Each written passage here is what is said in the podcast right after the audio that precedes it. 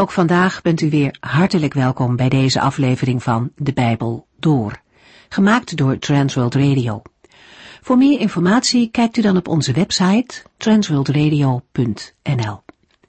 In deze serie gaat u in vijf jaar tijd met ons de Bijbel door, van Genesis 1 tot en met het laatste vers in Openbaring 22. In het vierde hoofdstuk van Hooglied staat de bruid in het middelpunt. Alleen in het laatste vers komt zij aan het woord, maar verder is het de bruidegom die zingt over haar. In allerlei beeldende woorden vertelt hij hoe mooi hij haar vindt. Hij gaat door over haar liefde en door het hoofdstuk heen groeit het verlangen naar hun huwelijk. In dit hoofdstuk staat ook de eerste gedetailleerde lichamelijke beschrijvingen. Er volgen er nog drie in dit boek, van hem en van haar. Terwijl de bruidegom zijn bruid beschrijft, onderbreekt hij zichzelf met een uitroep van verlangen. Hij wil graag bij haar zijn. Zijn liefde draait echter niet alleen om zichzelf.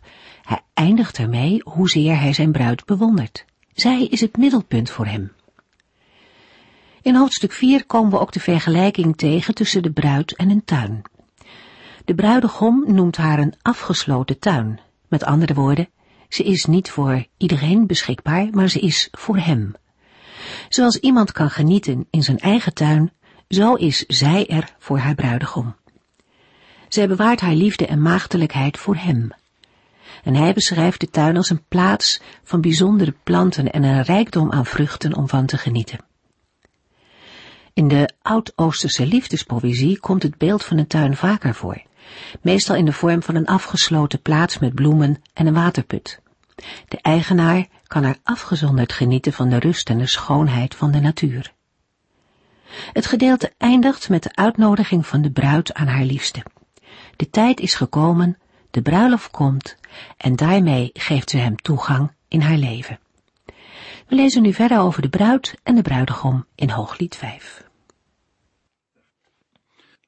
In de vorige uitzending hebben we gelezen dat de bruidegom voor de huwelijkssluiting zijn bruid vergelijkt met een siertuin. Een tuin die in eerste instantie voor hem gesloten is. In Hooglied 4 vers 12 tot en met 15 beschrijft de bruidegom zijn bruid als een siertuin met allerlei prachtige en heerlijk ruikende planten.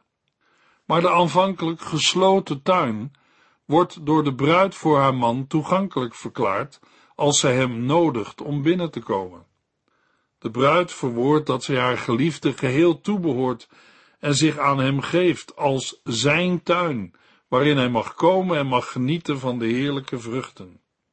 De uitnodiging van de bruid in Hooglied 4 vers 16 wordt gevolgd door een reactie van de bruidegom. Hij vertelt zijn bruid, die hier als mijn zuster wordt aangeduid, dat hij naar zijn tuin komt. Het Hebreeuwse woord voor bruid vormt een parallel met het Hebreeuws voor mijn zuster. Het is een liefkozende uitdrukking waarmee geen broer-zus relatie wordt bedoeld. We gaven al aan dat in het vorige hoofdstuk de bruid werd beschreven als een tuin zonder toegang. Maar in Hooglied 5 komt de bruidegom bij zijn bruid. Hij gebruikt bijzondere beelden om hun liefdesgemeenschap te beschrijven. Hij plukt de geurstoffen mirre en balsem. Ook noemt hij smaakstoffen. Hij eet honing uit de honingraad en drinkt wijn en melk. De producten die worden genoemd doen denken aan de overvloed van Israël. Van het beloofde land wordt gezegd dat het een land is dat vloeit van melk en honing.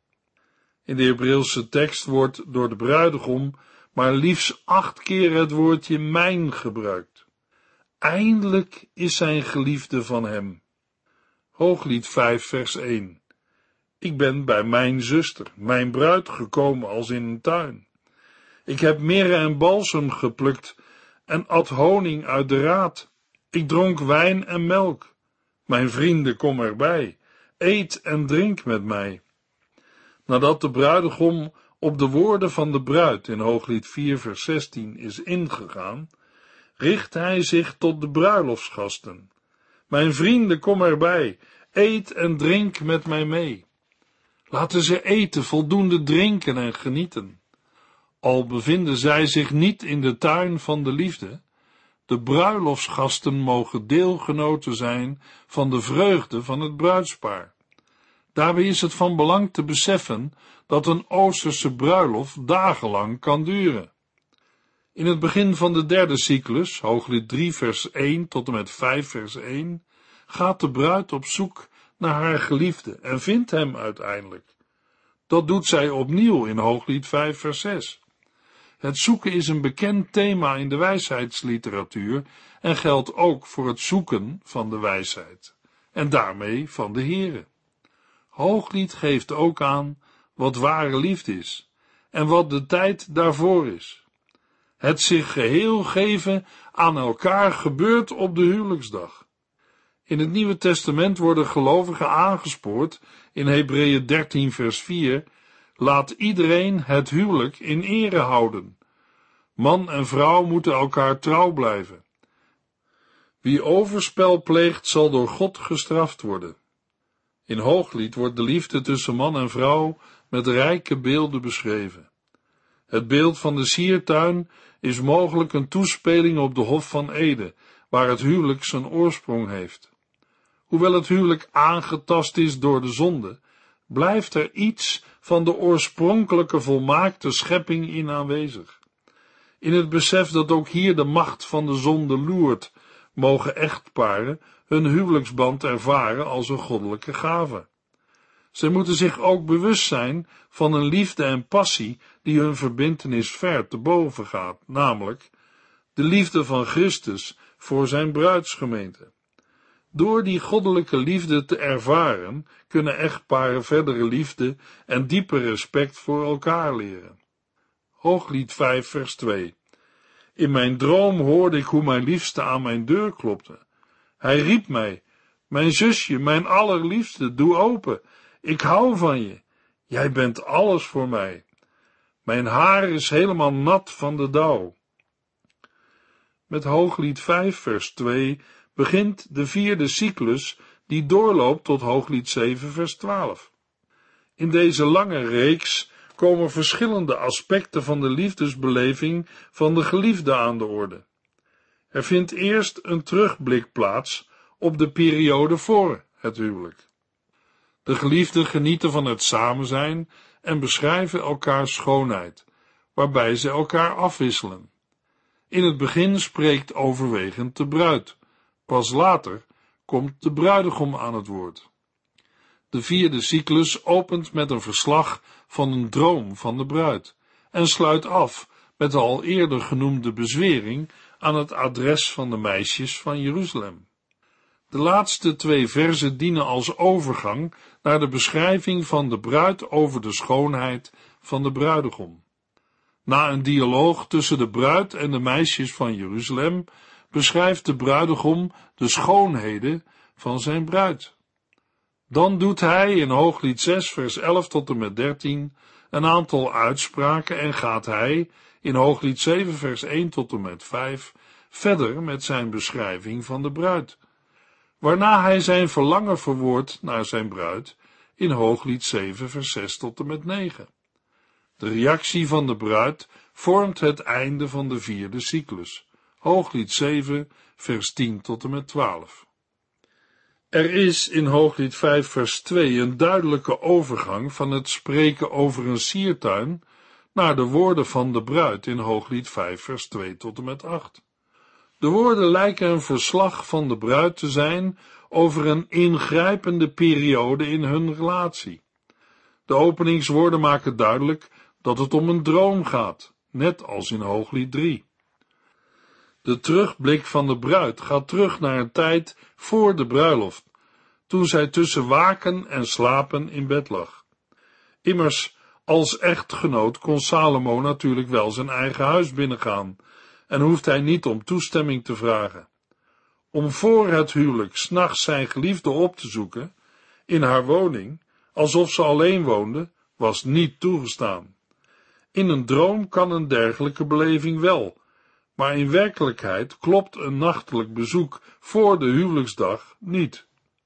In haar droom is de bruid zich bewust van het aankloppen van de bruidegom. zijn dringende verzoek hem open te doen, onderstreept hij door haar aan te spreken met al eerder genoemde liefdestermen, waar hij jij bent alles voor mij aan toevoegt. Hierop volgt als reden voor zijn verzoek de toelichting dat zijn hoofd of haar helemaal nat is van de dauw. De dauw kan in Israël hevig zijn. We hebben dat gelezen in de geschiedenis van Gideon. De dauw is in de Bijbel ook meermalen een symbool van goddelijke zegen. Na deze eerste woorden volgen de levendig beschreven details van de droom. Net als de anderen begint de vierde cyclus met een beschrijving van het verlangen van de bruid. Hooglied 5 vers 3 Dat kan ik toch niet doen, antwoordde ik. Ik ben al klaar voor de nacht. Moet ik mij dan weer aankleden? Ik ben al gewassen, straks word ik weer vuil. Als reactie op het roepen van de man stelt de vrouw een dubbele vraag, waaruit meer haar tegenzin blijkt dan de onmogelijkheid om open te doen. Haar argumenten kunnen onverschilligheid verraden, maar er kan ook sprake zijn van een zekere schroom of onzekerheid. Hooglied 5 vers 4 Mijn liefste stak zijn hand door de deuropening en toen kon ik hem niet weerstaan. Dat de bruid niet geheel afwijzend is, blijkt uit haar volgende reacties. Als de bruidegom zijn hand door een opening van de deur steekt, raakt de bruid innerlijk sterk bewogen. Hooglied 5, vers 5 en 6. Ik stond op om hem open te doen. Mijn handen beefden toen ik de grendels losmaakte. Ik ontsloot de deur voor mijn liefste, maar toen die openging, was hij verdwenen. Terwijl hij tegen mij sprak, trilde ik van opwinding. Ik ging naar hem op zoek, maar kon hem nergens vinden. Als ik zijn naam riep, kreeg ik geen antwoord. De bruid staat toch op om haar geliefde open te doen. Zij kon hem niet weerstaan. Als zij de grendels losmaakte, beven haar handen. De bruid opent de deur voor haar geliefde, maar die is al omgekeerd en weggegaan. Teleurgesteld en vertwijfeld om zijn vertrek, en vooral de uitwerking van zijn woorden, doen de bruid besluiten naar hem op zoek te gaan. Net zoals in haar eerdere droom zoekt zij haar geliefde, maar vindt hem niet. En haar roepen blijft onbeantwoord. Ooglied 5 vers 7 Ik kwam de mannen tegen die s'nachts de wacht houden over de stad. Zij sloegen en mishandelden mij. Ze rukten mij de sluier af. De nachtwakers of stadswachten van de muren vinden de zoekende vrouw tijdens hun rondgang door de stad. Daarbij gaat het in eerste instantie om wachters van de muren van de stad. Maar in Hooglied heeft het woord muur ook een andere betekenis. Een muur was ook bescherming tegen aanvallen van buitenaf. Daarnaast werd het kostbare in de stad, mensen, huizen en dieren, door de muur beschermd en bewaakt. In Hooglied 8 is de muur een symbool van de maagdelijkheid. In het licht van Hooglied 8 vers 9 waar we lezen, als ze zich in reinheid bewaart, zullen wij haar daarvoor prijzen. Maar als ze zich te gemakkelijk geeft, zullen wij dat verhinderen. Kunnen de wachters ook beschermers van zedelijke waarden zijn? In de droom van Hooglied 3 doen de wachters de vrouw geen kwaad, want ze wil haar geliefde brengen in het huis van haar moeder.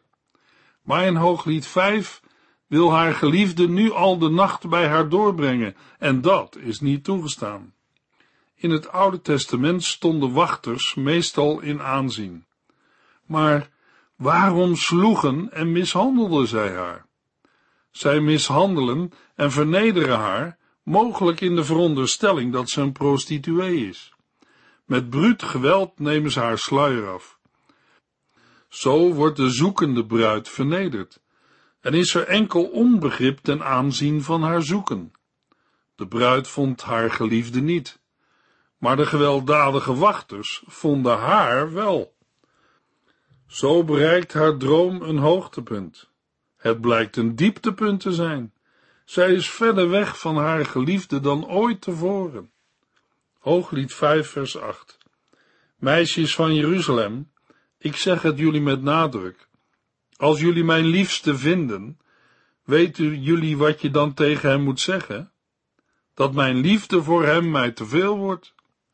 Plotseling richt de bruid zich tot de meisjes van Jeruzalem, met de bezwerende, dringende vraag wat zij haar geliefde zullen zeggen als ze hem vinden. De bezwering dient in vers 8 als inleiding op de dialoog die gaat volgen.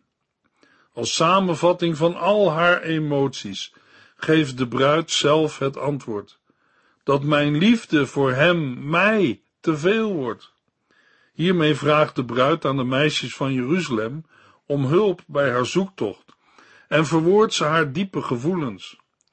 Opmerkelijk is wel dat zij de gebruikelijke waarschuwing aan het adres van deze meisjes weglaat. Overschrijdt zij zelf de eerder verwoorde grens?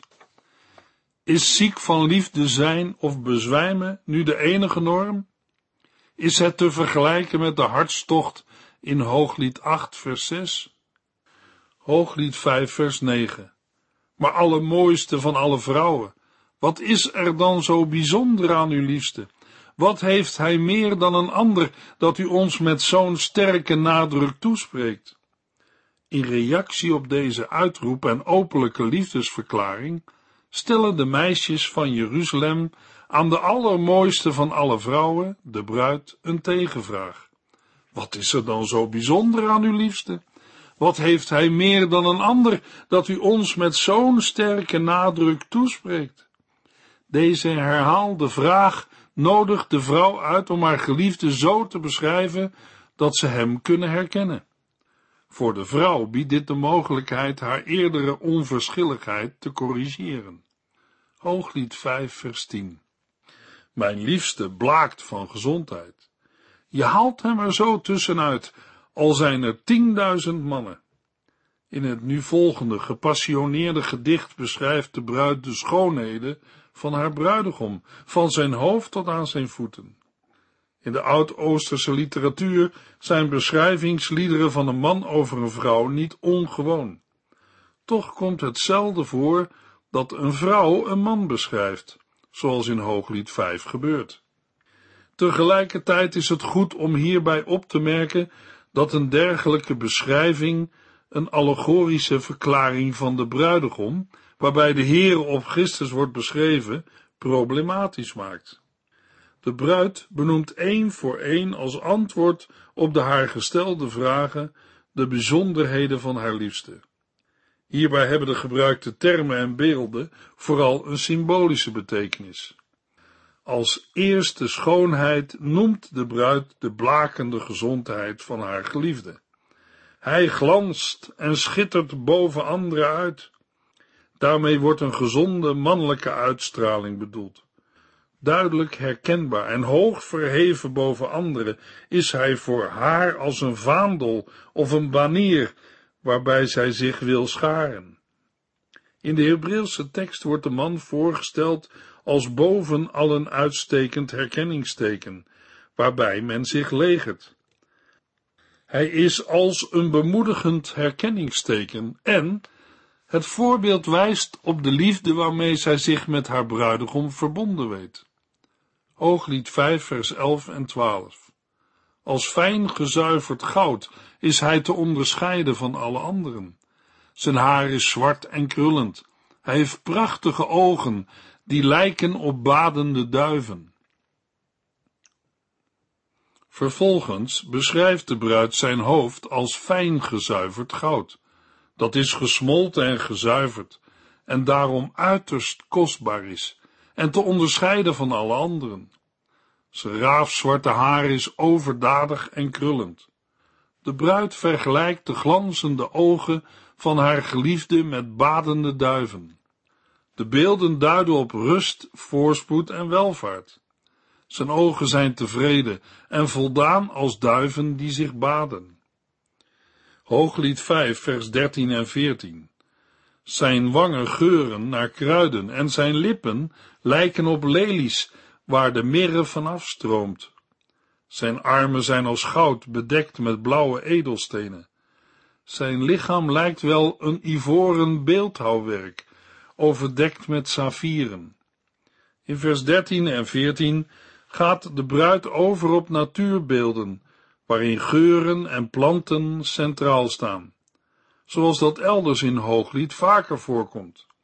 Daarbij gebruikt zij woorden en beelden die de bruidegom eerder op haar toepaste. De wangen van haar geliefde beschrijft ze als een bed met geurige kruiden en specerijen. Haar vergelijking doelt waarschijnlijk op de naar heerlijke kruiden geurende baard van de man. Zijn lippen lijken op lelies die druppen van vloeiende meren, zoals haar eigen lippen van honing drupten. Het gebruikte beeld spreekt niet van smaak, want meer is bitter, maar van zijn baardgeur en van de verrukking die zijn kussen en woorden veroorzaken. Na de wangen en lippen richt de bruid zich op de armen van haar geliefde. Ze worden aangeduid als armen van goud, bedekt met blauwe edelstenen. Zijn lichaam lijkt wel een ivoren beeldhouwwerk, bedekt met saffieren. De kostbaarheden die de bruid hier benoemt, tonen hoe prachtig en waardevol de man voor haar is. Hooglied 5, vers 15. Zijn benen lijken op zuilen, gehouwen uit wit marmer, met voeten van zuiver goud. Zijn lichaam is vier, als de ceders van de Libanon. In vers 15 beschrijft de bruid de benen van haar bruidegom als zuilen gehouwen uit wit marmer, met voeten van zuiver goud. Het vers bevat overeenkomsten met de beschrijving van de draagstoel van de bruidegom. In Hooglied 3 vers 10 lezen we over spijlen of pilaren, over goud en hout van de Libanon. Bij deze voorbeelden gaat het niet om de kleur van de benen, maar om het kostbare materiaal. Ook de gouden voetstukken duiden op steun en vastheid. De bruid vergelijkt de hele gedaante van haar bruidegom met de ceders in de Libanon. Ceders van de Libanon getuigen van imposante grootheid en verheven schoonheid. Hooglied 5, vers 16. Zijn kussen zijn zoet en liefdevol, alles aan hem is prachtig. Meisjes van Jeruzalem, nu weten jullie hoe mijn liefste, mijn vriend is. Aan het einde van haar lied richt de bruid zich niet meer op de uiterlijke verschijning van de man, maar op zijn persoonlijkheid en optreden. Het zoet en liefdevol zijn duidt op zijn liefdevolle kussen en woorden. De bruid vat alle bijzonderheden tenslotte samen door te stellen: alles aan hem is prachtig. Haar bruidegom is de aantrekkelijkheid zelf. In vers 16 krijgen de meisjes van Jeruzalem een antwoord op hun vraag in Hooglied 5, vers 9. Maar allermooiste van alle vrouwen, wat is er dan zo bijzonder aan uw liefste? Wat heeft hij meer dan een ander dat u ons met zo'n sterke nadruk toespreekt? Het antwoord op hun vraag is dat zij na deze beschrijvingen weten wie haar liefste, haar vriend is. Luisteraar, als we vers 9 zouden toepassen op onze persoonlijke band met Christus, en iemand uit uw omgeving zou met betrekking tot Christus vragen, wat is er nu zo bijzonder aan Jezus Christus? Wat heeft Hij meer dan een ander, dat u ons met zo'n sterke nadruk toespreekt of aanspreekt? Wat zou u dan voor antwoord geven? Laten we aan het slot van deze uitzending kijken hoe de heiland zelf mensen aansprak met zijn boodschap van liefde. In Johannes 4 gaat de Heer Jezus naar de Samaritaanse stad Sigar. Joden en Samaritanen konden elkaar niet luchten of zien. Maar Jezus gaat samen met zijn leerlingen naar Sigar. Daar ontmoette hij een eenzame Samaritaanse vrouw, die midden op de dag water kwam halen. Naar de situatie van die tijd waren ze vijanden. En het tijdstip was ook niet echt gelukkig. Midden op de dag en de Heer Jezus was moe en wilde rusten. Het contact met haar begint met een normale vraag. Jezus vroeg haar of ze hem wat te drinken wilde geven. Verbaasd reageert de vrouw. Dat begrijp ik niet. Ik ben een Samaritaanse en u bent een Jood. Welke Jood vraagt een Samaritaanse nu iets te drinken? Want Joden gaan niet met Samaritanen om. Jezus reageert en zegt vriendelijk, ik zou u levend water hebben gegeven als u mij erom had gevraagd. Luisteraar, u moet de geschiedenis maar eens lezen in Johannes 4. Want het eind van de geschiedenis is dat deze Samaritaanse vrouw tot geloof in Jezus Christus komt. Een gelukkig verleden had deze vrouw niet, en ze stond bij de andere burgers van Sigar ook niet goed bekend. Maar de mensen geloofden haar en zagen dat ze was veranderd. Ze gaan met haar mee naar Jezus. In Johannes 4, vers 39 lezen we: Veel mensen uit de Samaritaanse stad geloofden in Jezus. Ze waren overtuigd geraakt, omdat de vrouw vertelde dat hij precies wist wat er in haar leven gebeurd was. Later zeggen zij: Wij hebben hem nu zelf gehoord en weten dat hij werkelijk de redder van de wereld is. Zoals de bruid in Hooglied vol is van haar bruidegom. Hij is de mooiste. Niets is met hem te vergelijken. Zo mag een gelovige vertellen over de Heer Jezus Christus. Wat vertelt u, de mensen in uw omgeving, over de Heer Jezus? De Heere heeft beloofd dat Hij u, door de Heilige Geest, de woorden in de mond zal geven.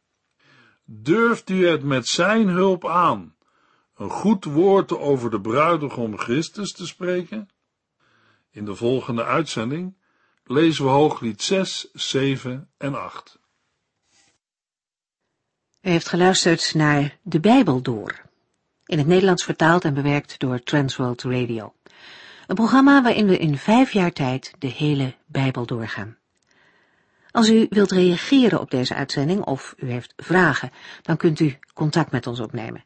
Tijdens kantooruren kunt u bellen op 0342 47 8432 0342 47 8432. Ook kunt u een e-mail sturen naar de Bijbel door at transworldradio.nl en natuurlijk kunt u ook via de post ons bereiken. TWR, postbus 371, postcode 3770, AJ in Barneveld. Dit programma werd gepresenteerd door Cor Weda en Ike André. Techniek was in handen van Odin van Voorkom. En wij allemaal bedanken u voor het luisteren. Graag tot de volgende keer.